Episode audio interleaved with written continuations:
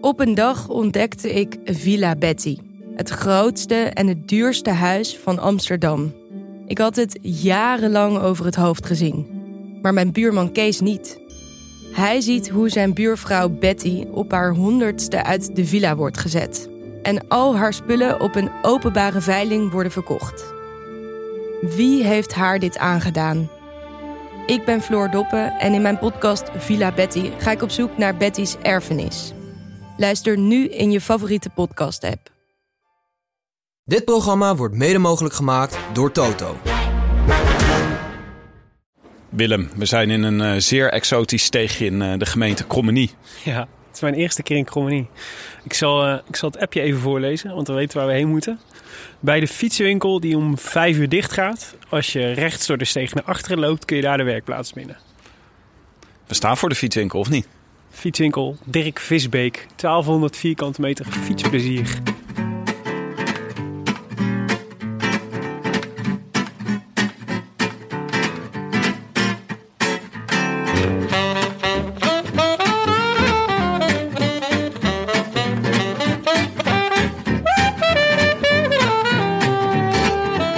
Het is zaterdag 17 februari 2018, een mooie zonnige winterdag. Het wielerseizoen is voorzichtig begonnen in Australië en het Midden-Oosten. En volgende week barst het ook hier los met Omloop het Volk. Maar goed, we zijn dus in Krommenie.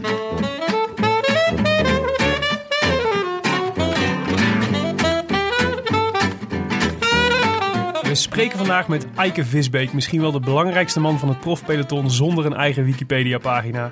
Maar vooral de sportsdirector of ploegleider van Team Sunweb, waarmee hij vorig jaar grote successen vierde. Etappes en truien met Bargiel en Matthews in de Tour, maar vooral ook de eerste Nederlandse zege in een grote ronde sinds Frans Ferdinand iemand doodschoot in de ghetto's van Praag of zoiets. Wij krijgen in elk geval nog steeds roze blosjes van op onze wangen, dus misschien moesten we nog eventjes luisteren. Op een historische dag voor het Nederlandse wielrennen. Voor de vijfde keer wint de Nederlander een grote ronde. Voor de eerste keer wint de Nederlander de Ronde van Italië. En we hebben met z'n allen bijna 37 jaar moeten wachten op dit moment. Tom Dumoulin wint de Giro. Listen, baby. Live vanuit Krommenie is dit de Rode Lantaarn, de wielerpodcast van Het is Koers. I wish I could be in the south of France. In the south of France. Sitting right next to you. Eike Visbeek, welkom in de show. Fijn dat we hier zijn. Wat doet de ploegleider van uh, Sunweb eigenlijk op een uh, zonnige zaterdag in februari? Nou, omdat ik in Zweden woon, dan probeer ik mijn tijd in Nederland goed te benutten. En heb ik allerlei afspraken met bekenden, en ook, maar ook voor de ploeg. En probeer ik mijn familie te bezoeken. Moet je ook in Nederland zijn voor Sunweb zaken in de winter? Ja, nou ja, ik was, ik was ja, we hebben meetings, dat ook uh, trainingskampen. Uh, dan vlieg ik via, het kantoor, of, uh, via Nederland naar, naar de trainingskamp. Um, en nu op vrijdag hadden wij een pakdag voor Abu Dhabi. En daar was ik bij, die koning en ik. Dus, en maandag vertrekken we, dus dan ben ik in Nederland. En wat betekent dat dan, zo'n voorbereidingsdag? Wat doe je dan allemaal? Ehm, nou ja, het ook toezien dat we alles wat we nodig hebben voor, het, voor wedstrijden in de woestijn, ja. dat we dat mee hebben. En ja, goed, ik ben eindverantwoordelijk. En uh, wat ik zeg, uh, bij, onze, bij onze ploeg is de taak van ploegleider of uh, sportsdirector is wat meer omvattender dan bij andere ploegen. En mm -hmm. wij zijn ook verantwoordelijk voor het logistieke gedeelte. Dat wil niet zeggen dat we tickets boeken, maar dat we wel gewoon invloed uitoefenen op, op wanneer we vliegen en wat ik zeg, wat voor materiaalkeuzes we maken. En gewoon ja, zorgen dat alles op zijn plek is op het juiste moment. Ja. Maar het wordt wel een belangrijke koers voor jullie. Want het is eigenlijk de eerste koers weer van het nieuwe seizoen voor Dumoulin en Kelderman ook, hè? Ja, ja en de tweede World Tour wedstrijd ook. Ja. Of derde eigenlijk, als je Cadel ook mee, mee rekent. Maar um, ja, het is voor ons een... Uh, we staan met een sterke ploeg aan de start. En ja. uh, er zit een tijdrit in, er zit een, zit een, een, een klim in. Uh, een berg op aankomst, om zo maar te zeggen. En dat zijn voor ons een mooie testcase voor de Tirreno. Ben je dan dus, ook zenuwachtig? Voor nee. hoe het gaat lopen? Nee, nee ik, ik maakte gisteren een geintje. Ik zeg... Um, uh, ik ben benieuwd wanneer het uh, oh fuck momentje komt dat je op het vliegveld staat en dat je beseft van we hebben toch nog iets we zijn vergeten. De, we zijn de bidons vergeten. ja. Zo, nou, die heb ik, die heb ik uh, nog zelfs nog in staan, staan gooien in de fietstassen. Dus nee, die zijn mee. Maar nee, niet, nee, ik ben niet, niet overdreven zenuwachtig. Nee. Ja, oké. Okay. Goed, we hebben veel om te bespreken. Voor ons als wielerfanaten in Amsterdam-West is Sunweb altijd een fascinerende ploeg geweest. Jarenlang een beetje de cultvariant van de Rabobank, maar nu een heel belangrijke ploeg in het peloton. 2017 was een geweldig jaar voor Sunweb. Wij hebben hier veel vragen over Eike, maar eerst even een woord van onze sponsor. Want dit seizoen heeft de Rode Lantaarn, zowaar, een sponsor. Uh, waar zitten we nu? Is dit, uh, is dit de familie fietswinkel? Nou ja, hier ben ik opgegroeid. Ik heb letterlijk heel mijn leven van het fietsen geleefd. En uh, mijn vader is hier, ik geloof in 79, kijk met een schuin oog naar mijn zus hier. 79 is hij, heeft hij de fietswinkel overgenomen. En ehm, ja, als een ambitieuze entrepreneur is hier uh, keihard gaan werken. En uh, heeft hij een mooi fietswinkelbedrijf opgebouwd. Uh, uiteindelijk ook het bedrijf waar hij ooit begonnen is als knechtje in Zandam, een grote winkel overgenomen. En mijn zus en haar vriend hebben dat overgenomen. En ja, die wonen nog steeds in het ouderlijk huis. En dit is ja, waar eigenlijk alles begonnen is. De stoepen waar ik ook met kinderfietsjes aan het racen was, dat, dat was hier. En waar mijn vader frames gebouwd heeft, dat is hier tien meter achter ons. En ja, goed, in Krommenie is natuurlijk ook de metropool van het Nederlandse wielrennen. Met uh, de familie Terpstra en uh, oh, ja. Ramon Sinkeldam. Dus uh, ja. ja. Heilige, heilige grond. Er staat hier op de voorkant van de winkel staat 1200 vierkante meter fietswinkel. Maar ja. dat is niet alleen maar hier, toch? Dat is in, op verschillende locaties. Ja, dat is precies, ja. En dit, was, was dit nou de eerste, was dit de eerste fietswinkel? Ja, ja. En uh, nu gaan jullie, gaan jullie uitbreiden, als ik het goed, uh, als ik het goed heb begrepen. Ja, ja. Uh, er komt een nieuwe winkel in Wormerveer tegenover het station. Dus ja, dat gaat in het voorjaar open. Dus dat wordt, wordt een spannende tijd. Een nieuwe winkel. En, ja. Maar met de, de Sinkeldams en de Terpstraat rij jij ook al sinds je jeugd? Of werk jij ook al sinds je jeugd dus? Ja, nou, het is grappig. Ik heb, ik, toen ik de, als eerstejaars ploegleider begon, werd ik gevraagd door de DTS. Die hadden geen amateurploeg meer. Maar we hadden een hele goede lichting met, uh, met Reinier Honig, Rick Flens, uh, Nicky Terpstra. Die was toen eerstejaars junior. Dus kwam ook eigenlijk de vraag van, jongens, we moeten een amateurploeg hebben nu. En ik was net gestopt. En um, ja, toen hebben ze mij daarvoor gevraagd. En uh, zo ben ik eigenlijk als ploegleider begonnen op mijn 24ste al. En de eerste tien jaar van mijn carrière werd ik vaak nog begroet als, uh, bij, de, bij de ploegleidersvergaderingen van nee, renners. Ja. Dit is niet on onkleedruimte, dit is de ploegleidersvergadering. Je moet ergens anders zijn. Ja, maar uh, nee, dat, dus dat was, uh, ja, zo ben ik er hierin gerold. En eigenlijk ook vanuit die jongens kwam die behoefte voor de, om, om, om, om een amateurploeg op te, op te starten. Ja. Maar die jongens waren gewoon te goed. Die gingen meteen direct door naar de grootste amateurploegen. Ja. Maar mijn eerste jaar had ik bijvoorbeeld Thijs Al, die, die, die mountainbikte toen. En ja, die heb ik een paar keer meegenomen naar kermiskoersen als voorbereiding op het Nederlands kampioenschap. En meteen het eerste koers die was ploeg deden, dan uh, was het Nederlands kampioenschap. En die werd meteen tweede. Dus dat was wel uh, was een mooi debuut. Goed, kan ik succes. een mountainbiker die niemand, nou ja, niemand kende. Maar uh, ja, voor het eerst een echt serieuze wedstrijd reed. En werd tweede achter, kijk, ik, weet, ik weet niet meer wie de won toen, maar Eentje van de Rabo geloof ik. Wening won geloof ik. En toen werd hij mm. tweede. Ja. Maar je was, je was net zelf gestopt als renner ook, toch? Ja. En waarom, uh, waarom stopte je op, uh, op die leeftijd met wielrennen? Ja, nou, twee, twee redenen. Uh, allereerst, ik kreeg... ik, de eerste twee jaar ging goed als amateur. Won een klassieker en ik kreeg een contract bij Agu. Dat was toen de opleidingsploeg voor TVM. Uh, ja. En in, in, eigenlijk in de eerste wedstrijd, in, in de voorbereiding, kreeg ik zware knieblessure.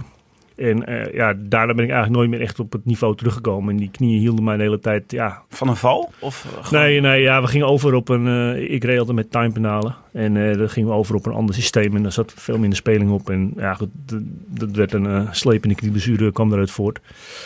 En hmm. toen ook, zeker als ik er nu op terugkijk, hoe weinig kennis er eigenlijk toen nog was over knieblessures, duurde dat veel te lang. En um, ja, goed, dus toen, ik kwam eigenlijk nooit meer terug op het niveau wat ik, wat ik daarvoor had. En dat frustreerde mij. Nou, ik studeerde nog steeds. Uh, ik zat net in het tweede jaar uh, op algemeen management uh, hier op de, op de hogeschool. En, um, in Amsterdam? Ja, hm. dus toen was voor mij en op een gegeven moment had ik ook zoiets van... ja, als ik toch niet meer de... als ik gewoon niet meer kan laten zien wat ik echt kan... dan, dan kan ik beter nu gewoon nog een paar jaar goed studeren. En nou ja, toen heb ik besloten om te stoppen als wielrenner. Maar de, de context van toen was natuurlijk een hele dominante Rabobank ploeg. Ja, nou ja, het, het, het, grappige is dat uh, in 96 toen ik die, uh, toen ik die klassieker won, toen uh, was Rabobank er nog niet. Dus hoe heet het, ik, ik ging naar Agu, wat op dat moment toen nummer 1 ploeg was. Alleen ja, dat was het, jaar dat ik bij Agu reed, was ook het eerste jaar dat de Rabobank amateurploeger was. Ja, en die hadden ik geloof vijf keer zoveel geld als wij en die, die hadden ook een heleboel goede renners. Dus dat, toen veranderde het, uh, het, het krachtenspel wel bij de amateurs. Ja. Kun je iets vertellen over... Je, hebt, je had de Rabobank ploeg en dan had je nog een paar andere die ook af en toe meededen. Het meest duidelijker werd dat altijd volgens mij bij het NK wielrennen, voor gods. Mm, waar dan iedereen tegen de Rabo reed, zo'n beetje. Ja, Rabo ook nog wel een beetje zo. ja, ja, precies. Maar, um, en, uh, en ineens was daar, uh, waren we in één keer, was in één keer, zo kwamen een paar, de Bank Giro loterij hebben we een tijdje gehad. En Batavus en, uh, en Skill Shimano kwam toen. Ja. Jij bent eigenlijk bij al die dingen altijd wel betrokken geweest, hè? Ja, nou, ik heb het eerste jaar van Skill nog meegemaakt. Ja. En uh, toen, uh, toen ben ik naar Zweden verhuisd en toen ben ik voor een Zweedse ploeg gaan werken. Uh, dus ik heb echt het, de, de kinderschoenen meegemaakt. en toen heb ik een paar jaar overgeslagen. En toen ben ik eigenlijk het laatste jaar pro-continentaal dat zij waren, toen ben ik erbij gekomen. Ja. En ja, toen... Wat voor ploeg, wat voor ploeg was dat toen? Zitten we Kenny van Hummel en, uh, nee, en nee, Hogeland nee, die, die was net weg. Uh, we hadden toen, toen was echt, ik, ik, wat ik wel deed in de jaren daarvoor, was scouting. Ja. Ik, eh, hoe heet het, Marijn Zeeman, die, daar heb ik een tijdje de ploeg samen mee gehad. En ja, die gebruikte mij, omdat ik in Zweden al die, de ronde van de man die reed met mijn continentale ploeg. Ja.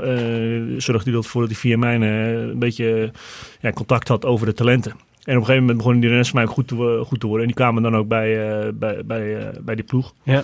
En uh, ja, goed, zo is het contact weer nauwer geworden met, met, met deze ploeg. En het, de focus was toen al echt op talenten. Op jonge talenten halen en daarmee stappen maken. En dat waren toen uh, Kittel, John Deenkop, die kwam er toen ook bij. ja, goed, toen hadden we ook een, een basis met Tom Velers, Koen de Kort, Roy Curvers. Maar ja, het was toen wel al duidelijk van, ja, we moeten echt eerder scouten. We moeten die jonge talenten eigenlijk al voor een doorbraak binnenhalen. Want, ja, want anders lukt het niet meer. Anders lukt het niet meer. Ja. En dat, dat, daar waren we goed in op dat moment. En uh, ja, goed, dus in het scoutingverhaal heb ik uh, meegeholpen toen. En uh, ja, toen eigenlijk dat begon te lopen, toen ben ik er verder bij gekomen. Hoe, heb je, hoe, hoe, doe je dat dan? Hoe scout je, hoe scout je een goede wielrenner? Want de Kittel en Degenkop zijn natuurlijk gewoon, het is gewoon wereldklasse Ja. inmiddels. Ja, nou ja, wat ik in die tijd heel erg nauwkeurig in de gaten houd, was, was, waren de resultaten in tijdritten. Mm -hmm. We zagen met Kittel al, uh, al die zag ik ook al een massasprint winnen op, toen hij nog als amateur reed. Maar dat was gewoon een tijdrijder. Ja. En uh, wat, wij, wat ik al, als, ik bedoel, als je ook het WK tijdrijden bij belofte en junioren kijkt, dan zie je ook gewoon, uh, dat zijn allemaal goede renners geworden, de, de, die daar top 10 reden. Terwijl als je kijkt naar de, de top 10 in de wegrit op, Ja. bij WK junioren, ja, daar zie je veel minder grote namen tussen Ja. staan als je, als je dat terugkijkt. Dus, uh, dus dat was een belangrijke indicatie. En um, verder uh, ja, kijk je gewoon natuurlijk ook van uh, hoe de jongens leven. Ik bedoel, wij, die, die Zweedse jongens die studeerden ook allemaal bij ons bijvoorbeeld. Dus daar zat nog heel veel marge op. Die leefden niet als prof. En um, ja, je kijkt naar internationale etappekoersen. Wat ik al zei, Ronde van de Man, Tour de Bretagne. Zes, zeven dagen etappekoersen. Kijk, dat wil je zien. Iedereen Ja. kan wel één dag goed rijden. Maar dat je dat meerdere dagen achter elkaar kan. Dat je ziet dat ze goed herstellen. Ja. Ja, daar, Maar dit klinkt heel logisch. Dan denk ik, maar de anderen doen dit toch ook? Nou, ja, dat, dat- nee dus. Ja. Want het is pas sinds, ik denk de laatste vier, vijf jaar dat je echt kan zeggen dat er echt scouts naar eh, beloftewedstrijden toe komen. Ja. Dat was in mijn tijd, eh, ik heb nooit, eh, Tobias Ludwigson die reed de sterren van de hemel in het voorjaar. En ik werd in mei een keer gebeld door, door Marijn. En die zei van, Die gast moet je hebben.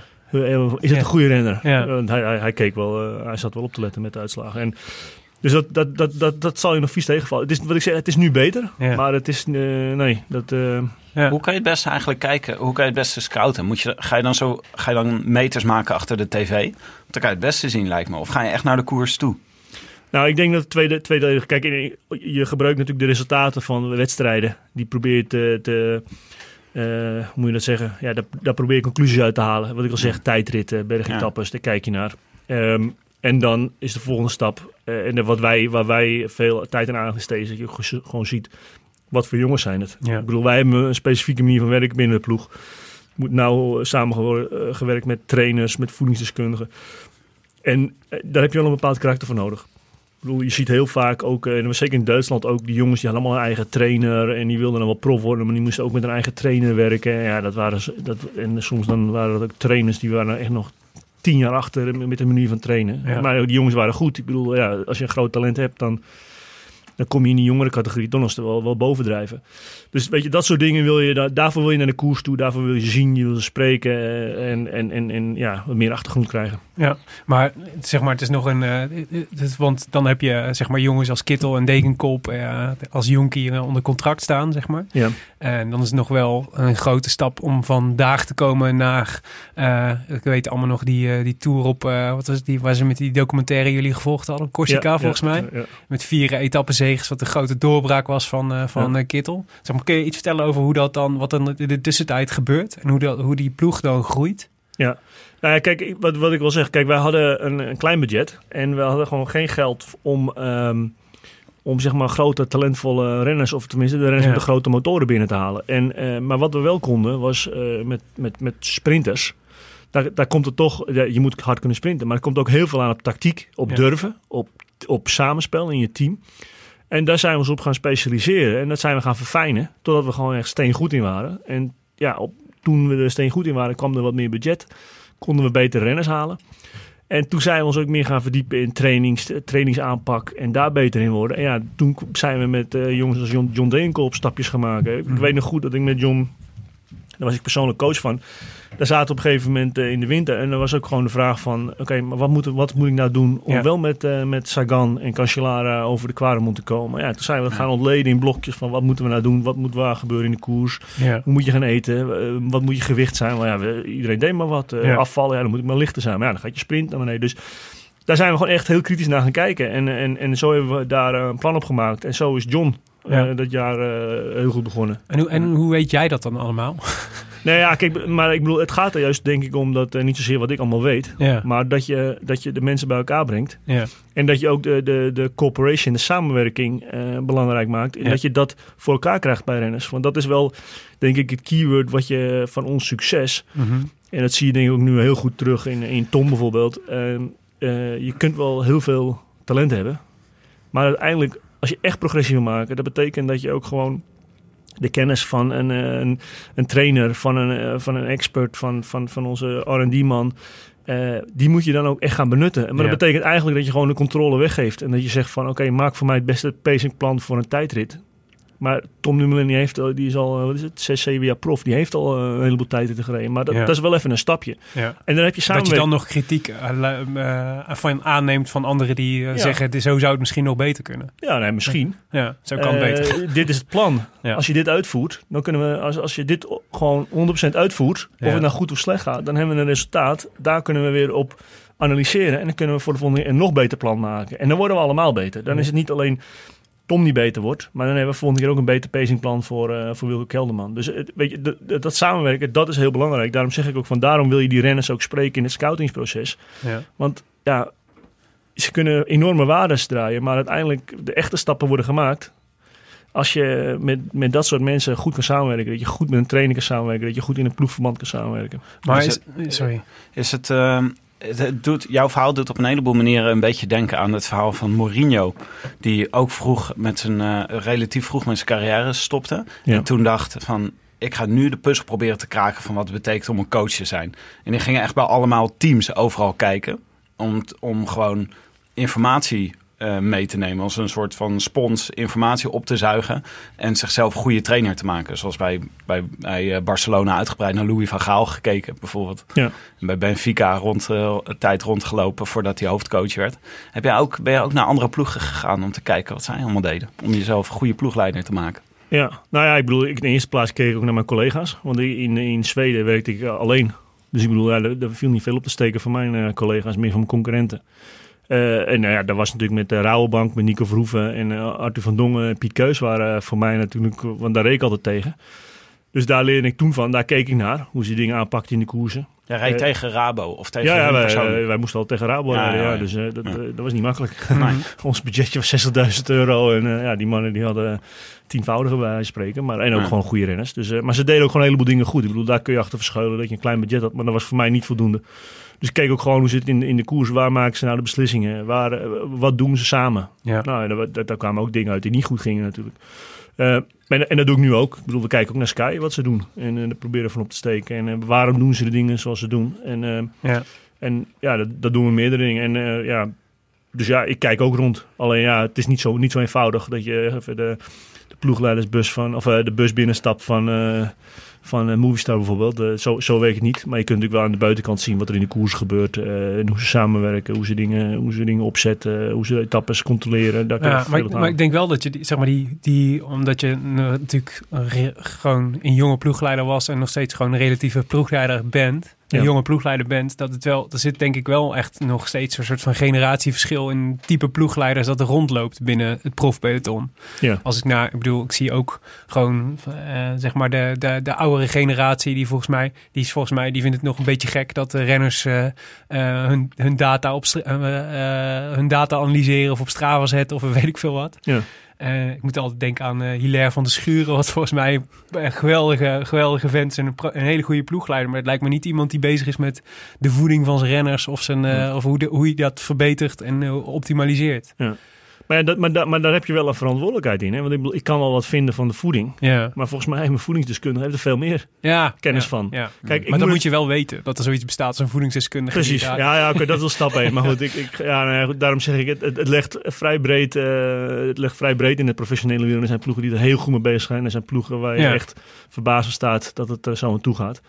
Um, maar wat denk ik belangrijk is, is dat je kijkt van... Uh, eh, en dat is de stappen die wij nu maken, waar we gewoon kijken van ja, hoe kunnen we die kennis van die, die experts nou nog beter bij die renners krijgen. En dat betekent ook dat je soms wel eens een stapje terug moet zetten op dingen waar je normaal wel invloed op hebt. En het gaat ook heel erg over hoe ga je nou dingen praktisch maken. Want ik bedoel, we, we hebben een, een koelingstrategie om renners uh, koel te houden voor een tijdrit. Want als de lichaamstemperatuur wat lager is bijna voor een tijdrit, dan spaar je energie mee dat klinkt leuk. En het klinkt ook heel mooi als je op kantoor zit in Deventer. Maar je moet het uitvoeren als het 35 graden is in een dorpje in Italië in de ronde. Eh, ja. En er is niks. 160 in Oman. Ja, ja, ja, precies. En wat, wat doe je dan? Hè? En, uh, en, en, ik heb het geluk gehad. En daar ben ik blij omdat ik uh, via een continentale ploeg, amateurploegje heb op kunnen bouwen. Dus je, je bent gewend om te improviseren. En, en, en dat soort dingen. Om, om, om dan zeg maar die, die, die, die expertise in de praktijk te brengen. Ja, dat komt soms aan op hele simpele dingen. Maar het moet wel geregeld worden. Dus het moet wel gemanaged worden. Ja, eigenlijk is het ploegleider zijn is ook voor een heel groot gedeelte gewoon praktisch je pro proberen je strategieën uit te stippelen. Waar ik me kan voorstellen dat het bij andere sporten wat meer uh, dat een wat grotere organisatie is om al dat soort dingen te regelen. Moeten jullie natuurlijk de hele tijd denken, hoe kan je dit mobiel doen? Want je moet de hele tijd uh, maar rondreizen. Ja, nou ja, maar we, we, begonnen net, uh, we hadden net over die pakdag. Ik ging twee jaar geleden naar Tour Down Under. En ik wist dat het daar 30, 35, 40 graden kan zijn. Ik heb koelvesten meegenomen. Dat, dat hadden ze nog nooit. Uh, maar goed, als je dat bedenkt en uh, je bent bij die pakdag. Ik bedoel, een soigneur die komt daar niet op. Dus ik bedoel, ik heb die dingen erbij gepakt. Dan moesten we nog even verknokken, want uh, we mochten maar zoveel gewicht meenemen. Ik heb die mm. koelvesten meegenomen. Vervolgens uh, eindeloze discussie gehad in het hotel om die dingen ingevroren te krijgen. Want dat, ook het hygiëne en overwicht kon het allemaal niet. alle bevroren kippen eruit. Ja, ja, precies. Ja, tussen de kippen lagen Ja, maar dus, dus, dus, dus, nou, dat konden we dan wel, maar dan moesten ze in plastic zakken en weet ik het al. Maar ja, we stonden wel elke dag met een koelvest bij de start. Het was 35 graden en elke etappe start je in Adelaide. Dan moet je vervolgens eerst omhoog rijden. Een klim van, eh, ik weet, kijk maar eens naar die profielen. Ja. Uh, als al uh, niet, uh, want soms rij ik ook geneutraliseerd zo'n klim op. Maar even goed, het is 35 graden, je rijdt zo'n klim op. Het is toch wel een voordeel als je zo'n ijsvest op. Maar in het begin zie je de renners ook wel een beetje kijken. Maar we zijn enige met een ijsvest. Maar het, het, is toch wel heel erg prettig als 40 graden is je eerste, eerste 10 kilometer van de etappe omhoog rijdt. Ja. Nou ja, dat is een goed voorbeeld van hoe wij, hoe wij denken en, en, en waarom ik daar aan ben. Ja, en je, hebt, en je hebt nu natuurlijk ook de middelen om dat, om, dat soort dingen allemaal te kunnen doen. Zeg maar. Ja, zeker. De het wordt steeds beter. Ja, ja, dus je kunt ook steeds meer. Ja. Kun je nou iets stellen over, want dat is natuurlijk, dat, dat vind ik dan wel interessant. Ehm, wat is dan de next frontier? Zeg maar, dus je, kunt, je zegt van je kunt ingrijpen op voeding en op materiaal en op dit soort dingen als voorbereiding. Weet je wat allemaal nog dingen voor. voor je, maar zijn er dan dingen die jij in je hoofd hebt waarvan je denkt dat zijn nog echt dingen, terreinen waar we nog winst kunnen boeken in de komende, de komende tijd? Nou, ik vind nog steeds dat de, de, de, de, als het gaat om training, om, ehm, om voeding, ehm, dat dat nog altijd de kernzaken zijn waar nog heel veel. Uh, ik denk dat er ook nog wel het een en ander uh, qua stel en rustbalans, dat daar ook nog wel, uh, wel veel in zit. Mm -hmm. um, ja, goed. Er is nog steeds op, op, de, op de gewoon eigenlijk de, de, de, de, de hoe moet ik dat zeggen, de, de, de, de ja, het is simpel. Maar eh, de, de in, in het fundament, in de basisdingen kunnen er nog steeds heel veel dingen beter. En, en wat ik zeg, het gaat niet alleen om het bedenken. Ook nog renners moeten het uitvoeren. Ja. En het, is niet, het, is niet, het zijn niet altijd leuke gesprekken. Hè? Ik bedoel, met een koelvest aan zitten in, eh, in Adelaide. Daar heb ik ook bij drie renners wel even voor moeten praten om dat voor elkaar te krijgen. Ja. Dat zijn niet leuke gesprekken. Ik bedoel, ik kan ook een kop koffie gaan drinken in, in de lobby. Maar goed, je Zijn investeert... conservatief?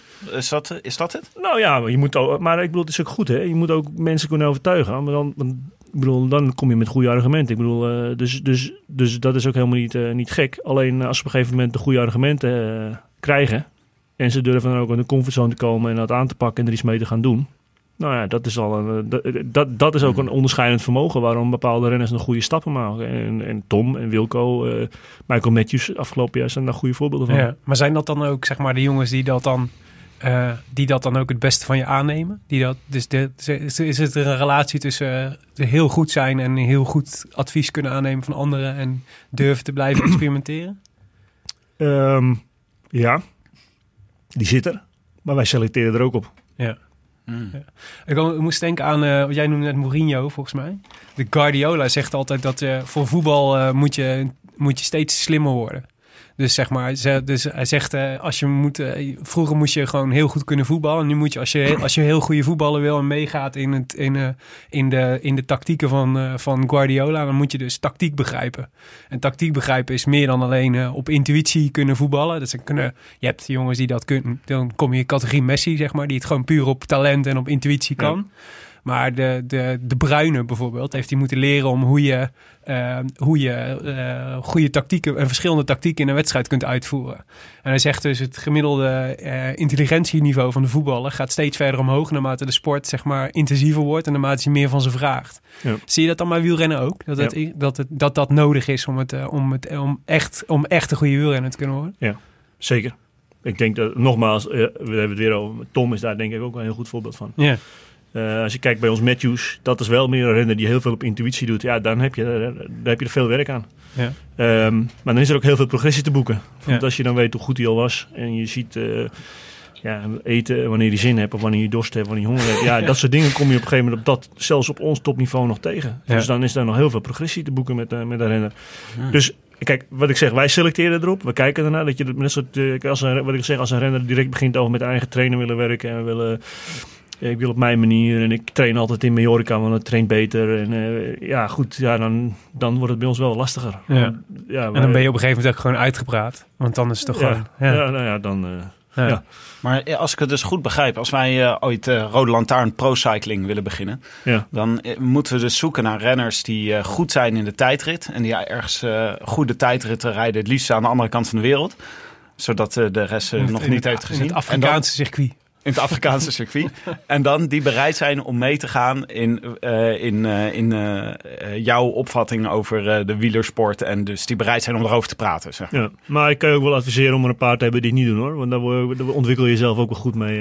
Want dan weet je ook wat je, wat je, waar je niet mee wil werken. Of waar je, ja, of je ook weer voor dat soort jongens eh, een, een, een sleuteltje moet vinden om, om, om wel stappen te maken. Dus Heb je- eh, hebben jullie eigenlijk wel eens, want wij hadden het op de heenweg hier naartoe, hadden het erover eh, over wielrenners. Er zijn natuurlijk sommige wielrenners die groter zijn dan de ploegen bijna. Die gewoon zo goed zijn dat ze, dat ze eigenlijk, ja, dat, dat je bijna niet kan voorstellen dat zij meedoen met, met teambesprekingen en zich Ja. willen schikken naar het schema. Zijn jullie ook wel eens in de verleiding gekomen om met dat soort renners samen te gaan werken? Ja, we hebben ook op eh, kruispunten gestaan waar we bij, eh, moesten beslissen. Gaan we met deze renner verder? Ja. Maar dan zit, is de consequentie wel dat we een aantal dingen anders moeten gaan doen met deze renner. Of om deze renner. Of wij moeten gaan veranderen om het te laten werken. Zeg maar een zekere Franse renner die net de ploeg eh, verlaten heeft bijvoorbeeld. Nou, nee, nee, niet zozeer. Maar wel, kijk, eh, je, je haalt, eh, ik weet, je hebt het over Warren.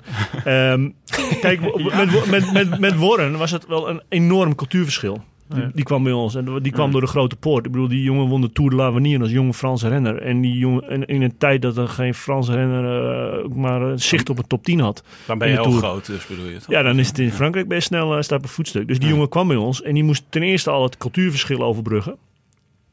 Draag, droeg ook nog de last van een uh, heel hoog verwachtingspatroon met zich mee. Een cultuurverschil als in uh, bij een Nederlands-Duitse ja, ploeg. En, ja. wij, ik bedoel, zelfs nu nog in de afgelopen tour. Ja, ik bedoel, uh, nou trouwens, deze tour ging dat veel beter. Maar ik kan me vorig jaar herinneren dat gewoon kritiek, zeg maar, gewoon recht toe recht aan zeggen wat op staat. Ja. Ja, daar heeft hij nog steeds moeite mee. Ik bedoel, ik kan me, ik kan me nog een situatie herinneren waar de Lau op een gegeven moment zei van... Ja, op, op, eh, op, de tweede klim ja, wil ik gewoon dat je van voren rijdt en bij me rijdt. Uh, top 15, daar zat je te ver van achteren. Mm. En ja, dat vond hij heel moeilijk. En, eh, en ja, goed, maar als je beter wil worden en je wil gewoon eerlijke dingen kunnen bespreken, en dat is ook een beetje de Nederlandse cultuur, of eh, ja, de Noord-Europese cultuur, ja, dan eh, dat, dat vereist wel wat van een, eh, van een atleet. En ehm, dus, dus met Warren hadden we daar wel, eh, daar, daar ging dat langzamer. Ik bedoel, Ja. we maakten stappen. Ik bedoel, zijn, het heeft een aantal jaar geduurd. Hij heeft minder snel stappen gemaakt dan Tom. Ja. Maar- En dat heeft daar ook mee te maken. Ging het dan ook steeds meer schuren met hem naarmate hij gewoon wel prestaties ging rijden, rijden en eigenlijk steeds een grotere ster werd? Nee, want, want hij, zijn status is de afgelopen drie jaar eigenlijk hetzelfde geweest tot de Tour. Ja. Ik bedoel, eh, Ja. ja, en vervolgens ging het in de Vuelta mis. ja, ja, nou ja, daar was ik niet bij. Dus ik kan daar ook niet over oordelen precies wat er is gebeurd. Ik heb natuurlijk wel het een en ander gehoord. Maar ik heb, ik heb nooit War- Warren's verhaal daarover over gehoord. Ja.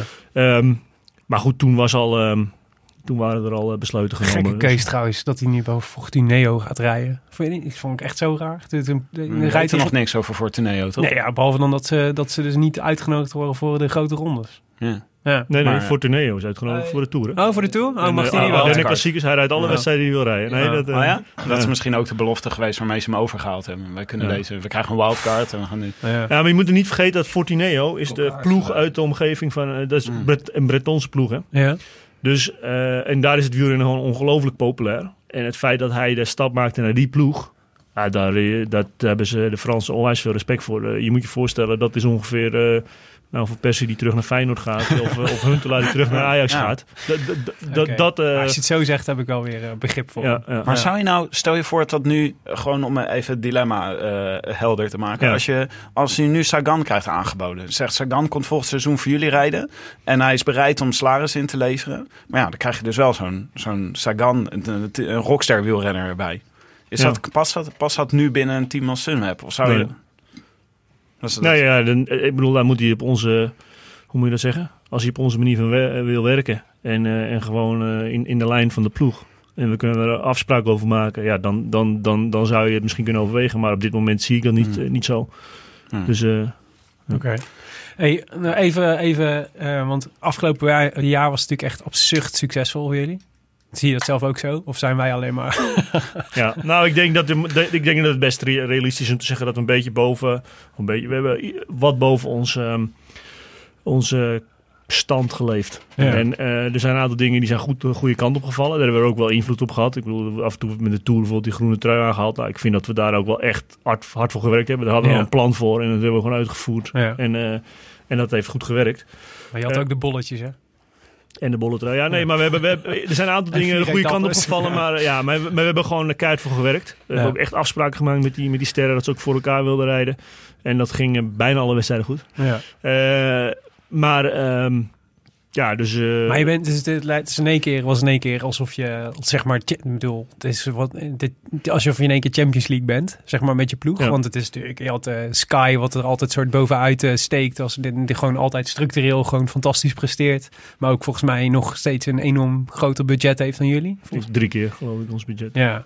En, ehm, en ehm, eh, nou, wat heb je dan nog? Dat bedoelt eigenlijk, is er niet kloten dat jullie zo'n goed seizoen hebben gedraaid? Want Nou dat ja, schept nee. verwachtingen voor de volgende Ja, is niet want wat, dat is natuurlijk het is, het ingewikkeld om na zo'n superseizoen zeg maar weer opnieuw te Ja. beginnen met eh met eh, nee, ik begin nu weer op nul gewoon. Eh, dit jaar gaat een mooi jaar worden om volwassen te worden. Ja.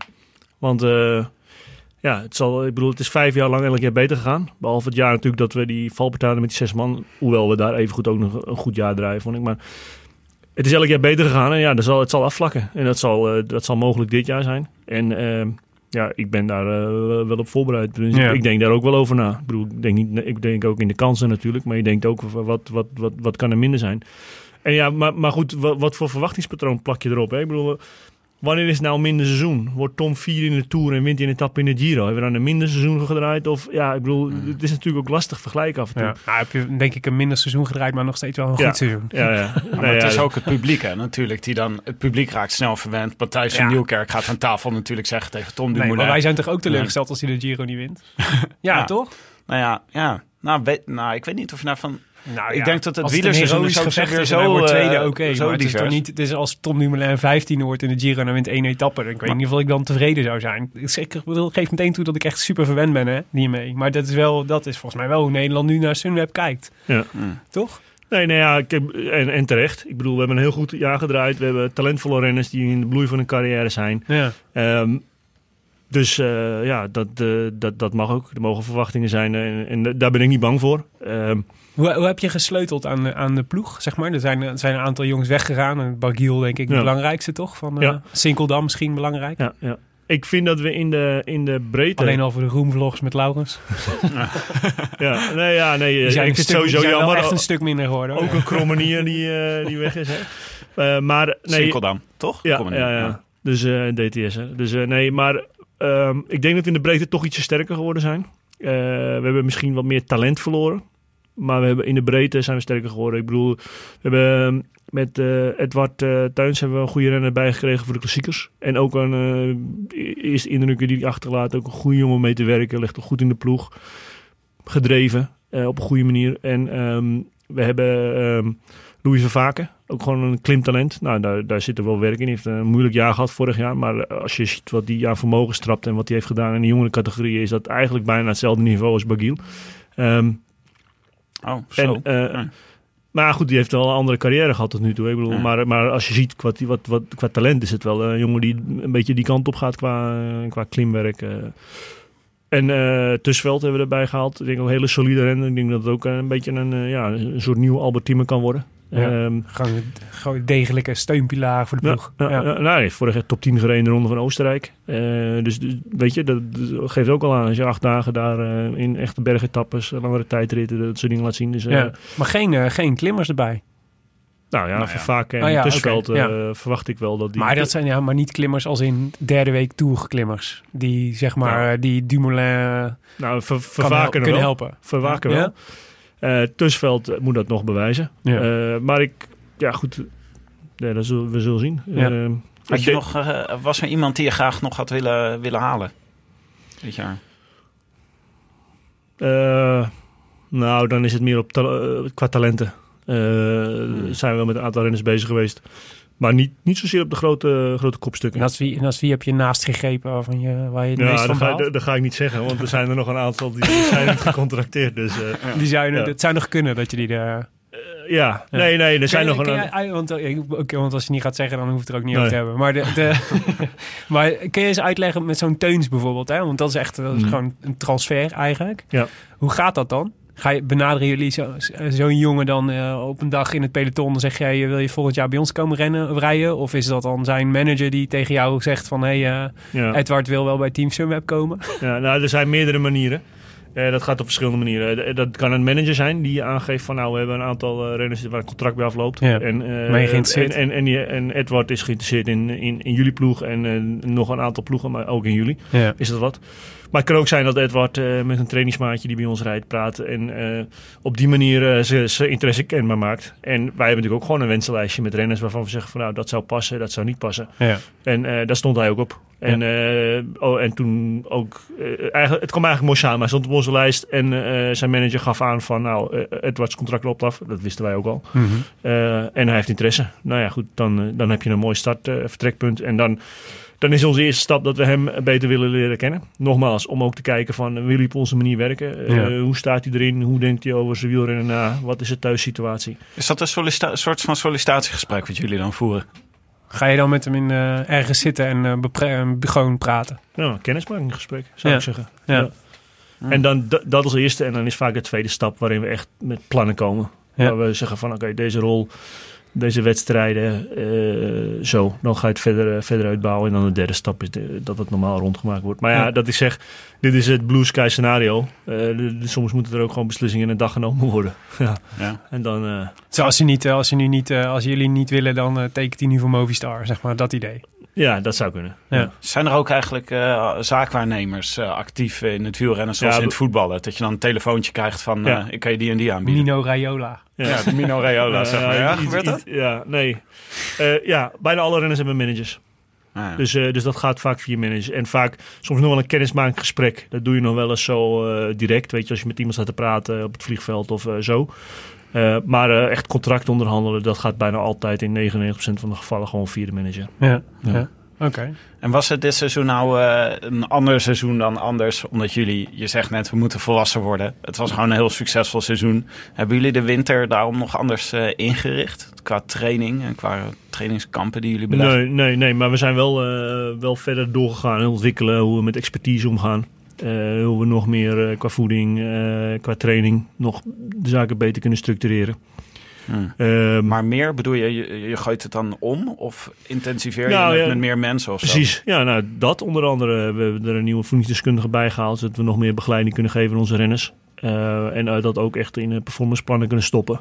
Eh, dat we ook echt naar doelen kunnen werken, dat gewoon alles opgeleid is. Dat onze, onze voedingsdeskundigen, trainers, wij als persoonlijke coaches, de renners, dat we gewoon opgeleid zijn. Want dat is, de- wat ik zeg, het klinkt allemaal heel logisch als ik hier zo over praat, maar dat is in de topsport niet, allemaal niet zo Ah. heel erg logisch bij ploegen, omdat het allemaal zo gelijk loopt en synchroon loopt. Er zijn steeds heel veel ploegen waarbij renners gewoon een eigen trainer hebben.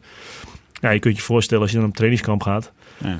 Ja, wat, eh, wie- wel- welk plan is dan leidend? Hè? Een ploeg Mhm. kan wel zeggen van we gaan dit, we gaan dit en dit doen. Maar ja, wat ik zeg, dan, dan kan een, een persoonlijke trainer wel een, eh, een heel ander idee erover hebben, wat belangrijk is. Ja. Maar hoe, eh, want eh, je- eh, ik begrijp dat bij jullie ook eh, de renners een beetje verdeeld zijn over de ploegleiders. Als soort, in een soort mentorprogramma of zo, of een soort Ja. trainersprogramma. Hoeveel renners heb jij onder je, onder je hoede? Zeven. En eh, wie, wie zijn dat? Ik heb eh, Kelderman, Hamilton, eh Laurens Dam, eh, Mike Teunissen, Lennart Kemna, Lennart Hofstede.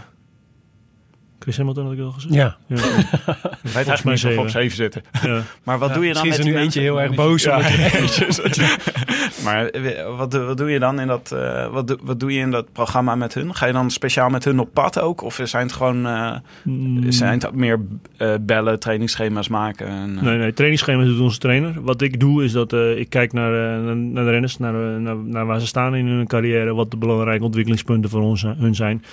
En daar begeleid ik ze in. Ik, dat kan Martijn Tussenveld hebben bijvoorbeeld. daar willen we zijn tijdrijden beter maken. Nou ja, goed, dat, dat is mooi als je die ambitie hebt, maar wat gaan we dan echt doen? Hm. Ik bedoel, eh, dan moeten we beter met een pacingplan werken, of moeten we, moet hij meer in de positie, moet hij een aerotest doen. Eh, Hm.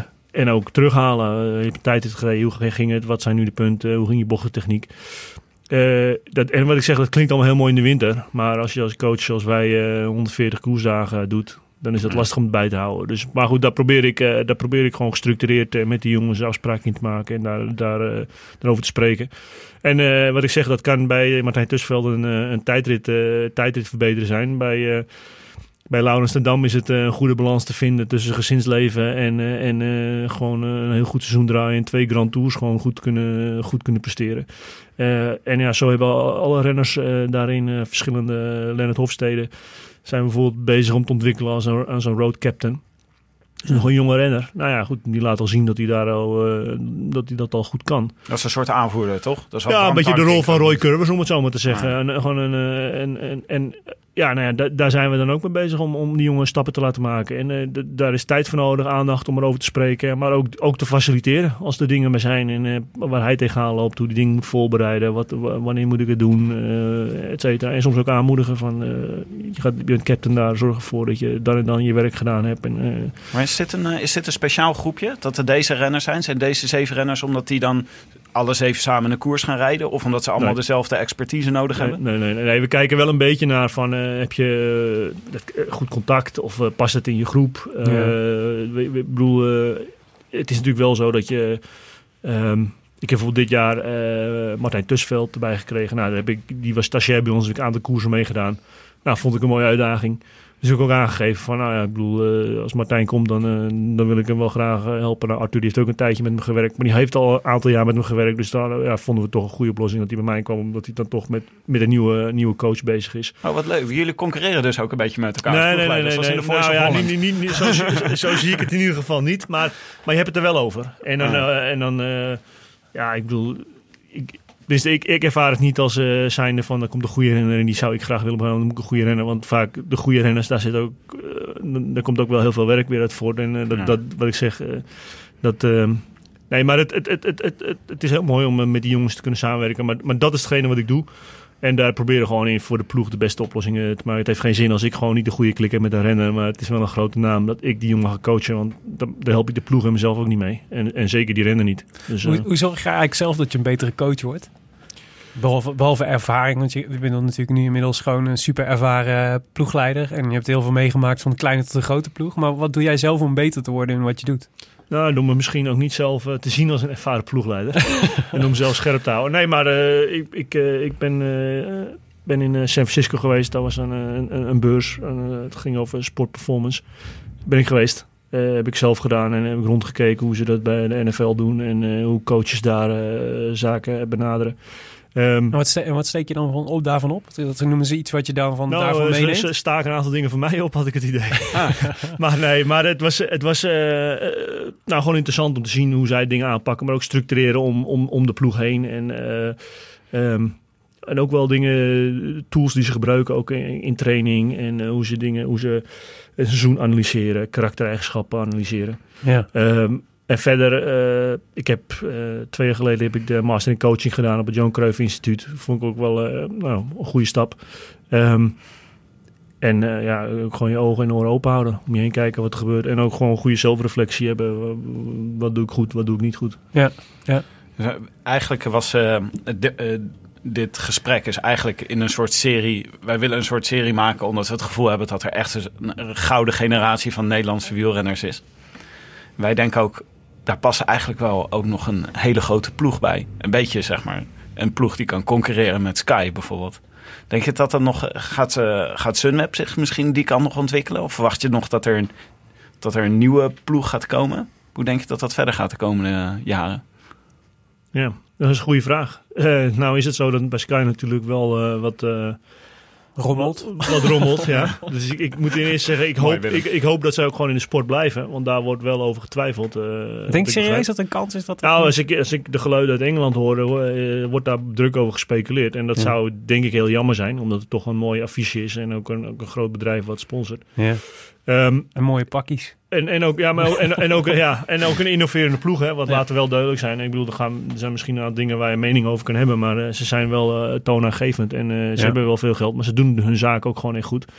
Ehm, ik denk dat, dat, dat, er, dat, dat wij hopelijk wel ook dichter bij hun komen. Maar ik kan niet zeggen of BMC de volgende stap maakt. Of, Maar jullie groeien wel ook nog steeds wel ieder jaar een beetje in budget, toch? Dus nu dit jaar ook weer iets meer dan vorig jaar.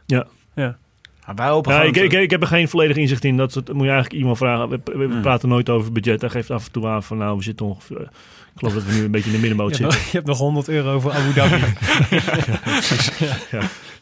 Maar eh, zou het niet de komende jaren... Wij hopen gewoon dat eh, Unox instapt of eh, Albert Heijn to go. Dat je dan gewoon een ploeg, een ploeg krijgt die, eh, die met- met een, nou ja, een grote sponsor instapt. Maar dit, PDM leek ons een goed idee. Maar dit is, toch het, dit is toch het perfecte moment eigenlijk, zou je zeggen? Ja, Absoluut, dat Ja. hebben jullie heel goed gezien. En ik, eh, ik zal ook zeggen dat wij hebben, eh, ik bedoel, ik weet van iemand dat er, eh, dat, dat er veel bedrijven interesse hadden naar de overwinning van Tom. Nou, dat is altijd Hmm. natuurlijk als er wat succes Ja. is. Ja. Alleen, ja, ik, ik zie het hetzelfde als jullie. We hebben een enorm sterke generatie. We hebben goede talenten, daar gaan we zeker nog tien jaar plezier van hebben. En er is goed in geïnvesteerd. En het wielrennen is super populair in Nederland. Dus als Nederlands bedrijf kan ik me niet voorstellen dat je dit niet overweegt. Echt Ja. niet, want er zijn enorme mogelijkheden. En zeker ook als je kijkt hoeveel goede Nederlandse renners in buitenlandse ploegen rijden. Ja. Ja, de- ik, eh, ik, ik ben absoluut eens. Ik, het is echt, eh, als dat bedrijven niet overwegen om, eh, om in de wielersport te stappen in Nederland op dit moment, dat, is, eh, dat zijn gemiste kansen. Want dan, als je er nu instapt, stap je op het goede moment in. Als je voor twee jaar instapt, Ja. is het misschien al vertrokken. Ja. Ja. Is het risico ook niet dat je leeggekocht wordt op een gegeven moment? Dat er gewoon dat ze je goede renners gaan wegtrekken en die dan naar Astana en eh Katusha gaan. Een Ja. UAE. Ja. Ja. Ja. Dat is het. Alleen waar wij ook in investeren. En ehm, dat is gewoon een goede begeleiding. En we renners kiezen niet alleen voor onze ploeg omdat wij een salaris betalen. Want er zijn er zeker ploegen die meer betalen. Eh, maar wij geven er nog wel wat voor terug. En eh, dat is trainingskampen, wat ik zeg, de begeleiding, de structuur. En dat, dat wordt op waarde geschat. Ja. Eh, ik, ik, kan wel zeggen dat wij eh, in dat opzicht soms wel een, een goede onderhandelingspositie hebben. Ja. En het helpt natuurlijk als je kunt laten zien dat je er ook de Giro kunt winnen. ja, nou ja, zeker. Ik bedoel, dat, dat, dat- absoluut. Ja. Willem, jij wilde nog naar voorspellingen vragen voor komend seizoen. Ja, Ja, zeker. Ik, ja. Willem is zeer uh, groot prono-enthousiast. Nee, nee, ja, dat we het toch over de gouden generatie hebben en over jullie. Dus we hadden met Laurens ten Dam hadden we, hadden we, maakten een podcast en die, uh, die gaf hoog, inderdaad hoog op over, uh, over Edward Teuns. Als die zei, die rijdt in de trainingskampen, rijdt hij, rijdt hij, vond hij hem echt indrukwekkend goed. En uh, dus wij hebben hem natuurlijk meteen in onze voorjaarsprono opgenomen. Als, uh... Viel me wel op. Laurens vond iedereen goed met wie die rijdt.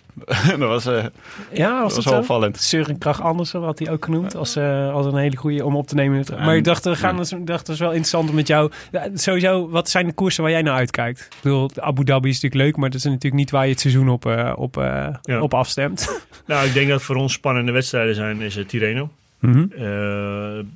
de, de, de klassiekers eigenlijk een soort Vlaamse, omdat we daar nu wat, wat, wat in de breedte sterk zijn met Tuins en Seuren. Uh, en ook, we gaan ook wat, hopelijk ook wat andere manier van koersen. Waarin we, we moeten wat actieve koersen. Ja. Um, en, maar in de Ardennen klassiekers zeker ook. Daar hebben we denk ik hele goede kansen. Met, uh, met Michael Matthews en, um, en met Wilco. Uh, ja, en dan natuurlijk de grote rondes, de, alle drie.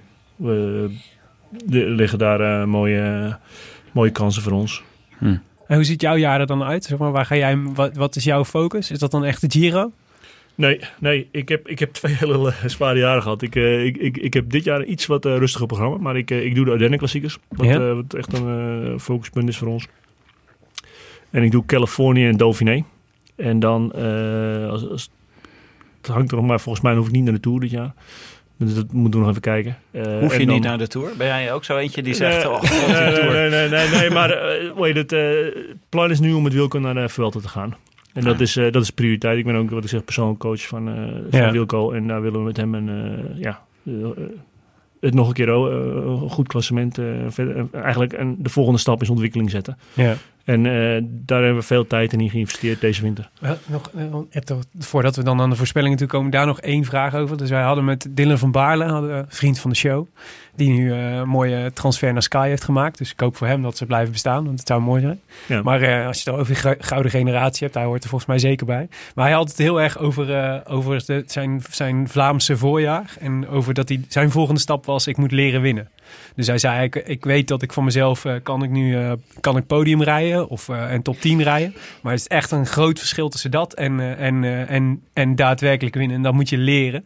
En volgens mij was dat volgens mij ook iets wat je met Dumoulin in, in de ontwikkeling die je met Dumoulin de Giro had. Kun je uitleggen wat, dat, wat, dat, wat is dat dan, zeg maar? Dat je... Nou, ik, ik heb het al net aangehaald. Dat is hetzelfde met Deenkop, hebben Ja. we het gehad. Dat je gewoon echt dan gaat kijken in detail. Waar, waar, waar zijn de beslissingsmomenten en waar, waar gaan we dan, uh, wat, wat moet er dan gebeuren? Ja. Uh, want ja, je kunt wel denken van als ik nou een kilo lichter ben, dan rijd ik harder op. Maar is het wel zo? Um, dus, dus, dus dat gedeelte, daar gewoon in gedetailleerd naar kijken. En uh, ja goed, en zeker in, in het grote rondewerk zijn er natuurlijk heel veel dingen waar je dan moet naar kijken. Want Ja. dan gaat het om tijdrijden. Je moet in de derde week nog kunnen presteren. Je moet gezond blijven. Ja. Welke, hoe, hoe bouw je je ploeg op? Uh, welke renners neem je mee?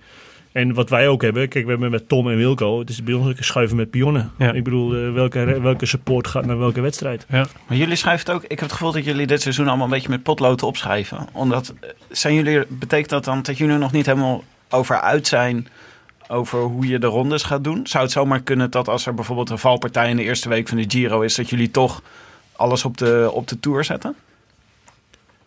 Uh, nou ja, als het om je grote renners gaat, dan zou dat wel uh, invloed kunnen hebben, ja. Uh, maar op dit moment is het plan duidelijk. We gaan met Tom voor de Giro. Ja. En hij gaat ook naar de Tour. Wilco gaat naar de Tour. En Wilco die uh, gaat naar de Vuelta.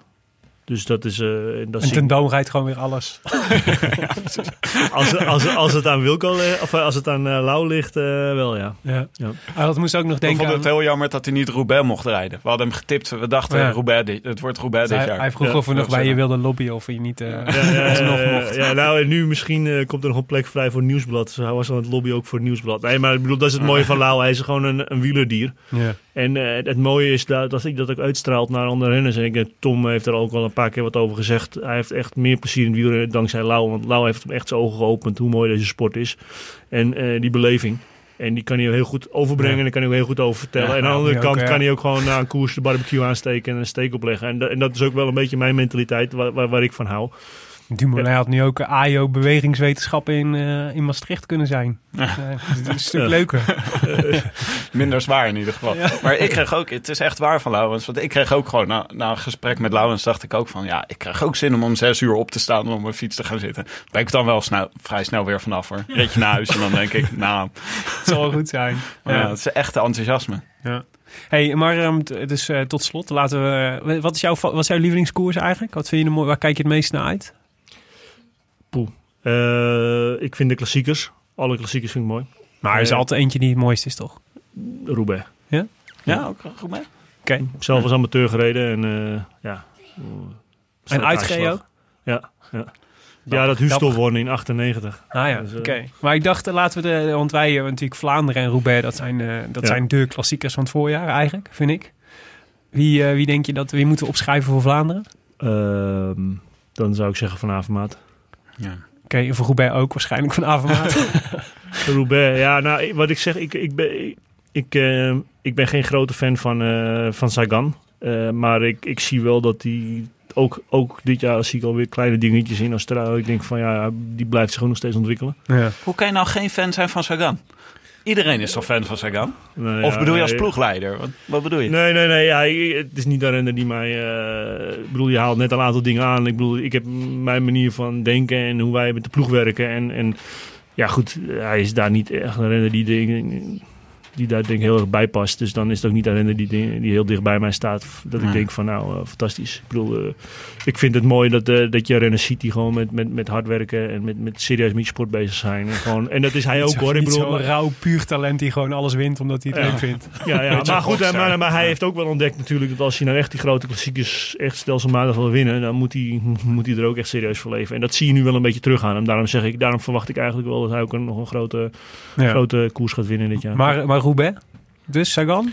Ja, ik wel, dat is een leuke de... voorspelling, vind ik. Ja, het is een leuke voorspelling. Maar uh, nee, ja, Van Avermaat in Vlaanderen en uh, in Roubaix um, denk ik dan... Uh, het is altijd lastig, want wie denk je wie er wint of met je, denk je met je hart? Hè? Dat nee, is, uh, je mag het ook allebei zeggen. Ja, dan, uh, dan zou ik zeggen één van ons natuurlijk. uh, het hart teunt.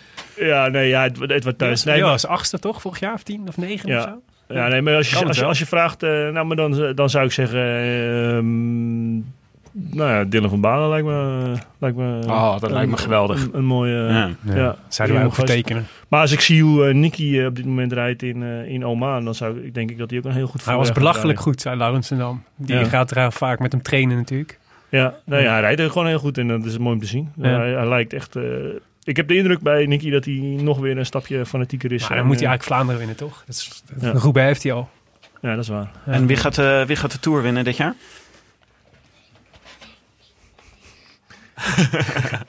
uh, Tom Dumoulin. De Tour? Nou, dat hopen we toch, of niet? Ik, ja, ja, ik hoop het uh, zeker. Ja. Maar het is, het is wat anders als ik zeg dat ik hoop dat Tom Dumoulin ja. Tour wint, of jij? Ja, maar ik denk dat uh, dat, dat, dat, dat is een groepje van, uh, van, van vijf man, denk ik, die, die echt kansen maken. En daar hoort hij ook bij. Quintana, Dumoulin. Wie nog meer?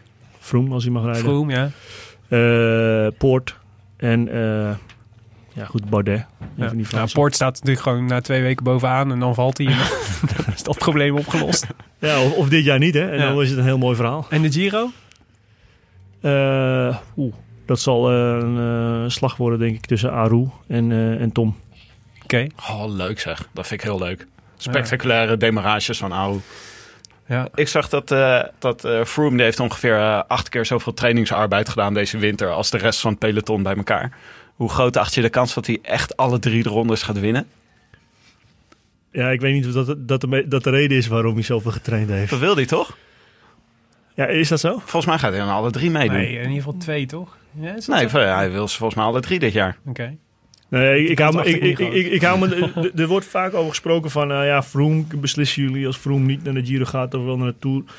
Daar hebben we helemaal geen rekening mee gehouden. Hmm. Ik bedoel, dat kun je niet. Ja. Ten eerste omdat je al in die situatie zit met, die, uh, ja. met het Solbat de Mol verhaal. Aan de andere kant, uh, de, zo moet je de boel niet benaderen, ja. denk ik. De, en daarbij komt, ik denk dat uh, een mooie titanenstrijd tussen Tom en, uh, en Froome, dat is uh, denk ik waar iedereen naar uitziet. Ja, ja, ja. inderdaad.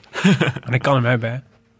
Ja. Eh, gaat, wanneer ga jij naar Abu Dhabi? Dat is eh, zaterdag of. Volgende week zaterdag. Nee, maandag. Maandag al. Woensdag begint de koers al, jongens. Dus- Lekker hoor, Abu Ja, Dhabi. nee, dan is zaterdag is de, is omgeving, toch? de, is de, de slotrit die berg op. Ja. Waar Dumoulin vorig jaar derde werd, volgens mij. Ja. Ja, dat is goed. Ja, ja. De, en de eerste, de eerste echte koers van Kelderman Dumoulin. Dus, dus eigenlijk kunnen we daar al een beetje zien hoe goed het is. Hoe goed ze zijn. Nou, nee, ik bedoel, het is een mooie test. Eh, die, die klim is ongeveer 20 minuten. Ja. En eh, er is een tijdrit in van 12 kilometer. Maar eh, een mooie test. Maar dan moeten we niet te snel eh, te veel conclusies uittrekken direct. Maar Maar het zou wel lekker zijn als die Arudo meteen oplegt, toch? ja, Ja.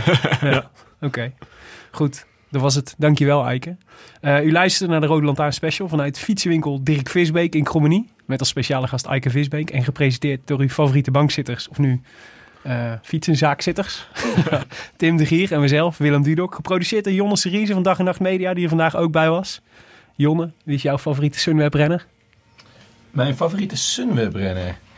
Ik heb een eh, sympathie voor Phil Bauhaus. Phil Bauhaus. Ja. Phil Bauhaus, zoals op het koffiezetapparaat van Laurens en Ja. Dam stond. Ja, dat vind ik een leuk sprinter. Eh, nou, oké. Ja. Gaat hij eh, gaat hij, eh, presteren dit seizoen? ja. Eh, we hebben er veel tijd in gestoken om ook de sprinttrein eh, beter eh, voor elkaar te krijgen. Ja. En, eh, Zonder Sinkeldam dan, toch? Ja, helaas. Ja. Maar, eh, maar we hebben, daar zijn we een goede stap in maken. En eh, ik, ik, Phil heeft al mooie dingen laten zien, maar nog niet eh, echt consistent. Maar ik denk dat het wel een mooie tip zou zijn eh, die nog een paar mooie overwinningen binnenhaalt nou moet je jaar. hem die, in je prono, jongen. Kan hij een klassieke rijden? Mm, Nu nog niet. Ja, hij kan ze wel rijden, maar ik bedoel, Ja. om te winnen is eh, dat is nog een stap te ver. Hij is ook nog een jonge renner, hè, Phil. Ja, dus, ja. eh, is- 22, 23. ja, 23 volgens mij. Oké, Dus, eh, nou mooi. Met dank aan uh, de wielerblog van Nederland en Vlaanderen. Als je wil reageren op deze uitzending via Twitter zijn we te bereiken via Willem Dudok en Tim de Gier. En abonneer je vooral op iTunes of laat er in ieder geval even een reviewtje achter, want dat helpt andere mensen om ook weer eh, eh, onze show te vinden en dat is leuk. Hebben we nog eh, reviews, Tim? Ja, we hebben nog eh, reviews natuurlijk van vorig jaar. Het geweldige seizoen 2017. Ja, want eh, wij, hadden, veel over gepraat nog. wij hadden ook een topjaar vorig jaar. Het was me opgevallen dat er 130 mensen afgelopen maand naar onze tour-uitzending eh, uitzending hebben geluisterd. Dat Nou, vind de ik toch wel tour- toewijding. De dagelijkse tour, de tour-uitzending. ja. ja. Ik heb, Even, terug in, even genieten van de overwinningen van Bargiel en Matthews. ik heb hier nog eentje terug in, eh, even terug in de tijd. Van 22 juli 2017 zegt Ilko Koers. Die zegt, die geeft ons vijf sterren. Nou, We geven onszelf altijd vijf sterren, Willem. En als iemand ons wa- het waagt om ons vier sterren te geven, dan zoeken ze persoonlijk op. Maar goed, complimenten voor jullie podcast. Echt een genot om naar te luisteren elke keer. Weer. Elke keer weer. Dankjewel, Ilko. Dat is heel erg leuk. En Frans Duiser zegt, heerlijk om te luisteren. Vijf sterren. Superleuke podcast. Ik eis er eentje tijdens de BV Vuelta. Ga zo door. oké. Nou, tijdens de Vuelta zijn we er, eh, weet ik niet. de mand. Wanneer zijn we er weer? Misschien wel, wij moeten ook nog ons seizoen indelen. In Ja. ieder geval tijdens de voorjaarsklassiekers. Ja, in ieder geval tijdens, eh, tijdens eh, na de Ronde van Vlaanderen en na Parijs-Roubaix. Al waar we de overwinningen van Dylan van Baarle en Greg van Avermaat en, ehm, eh, die gaan vieren. En, en tijdens de Giro moeten we er wel zijn. Als Tom gaat rijden, dan moeten wij er ook, moeten wij er ook zijn. Het land Op onze roze bank. Onze roze bank. A biento. A biento. Dankjewel, Eike. In the south of France, sitting right next to you.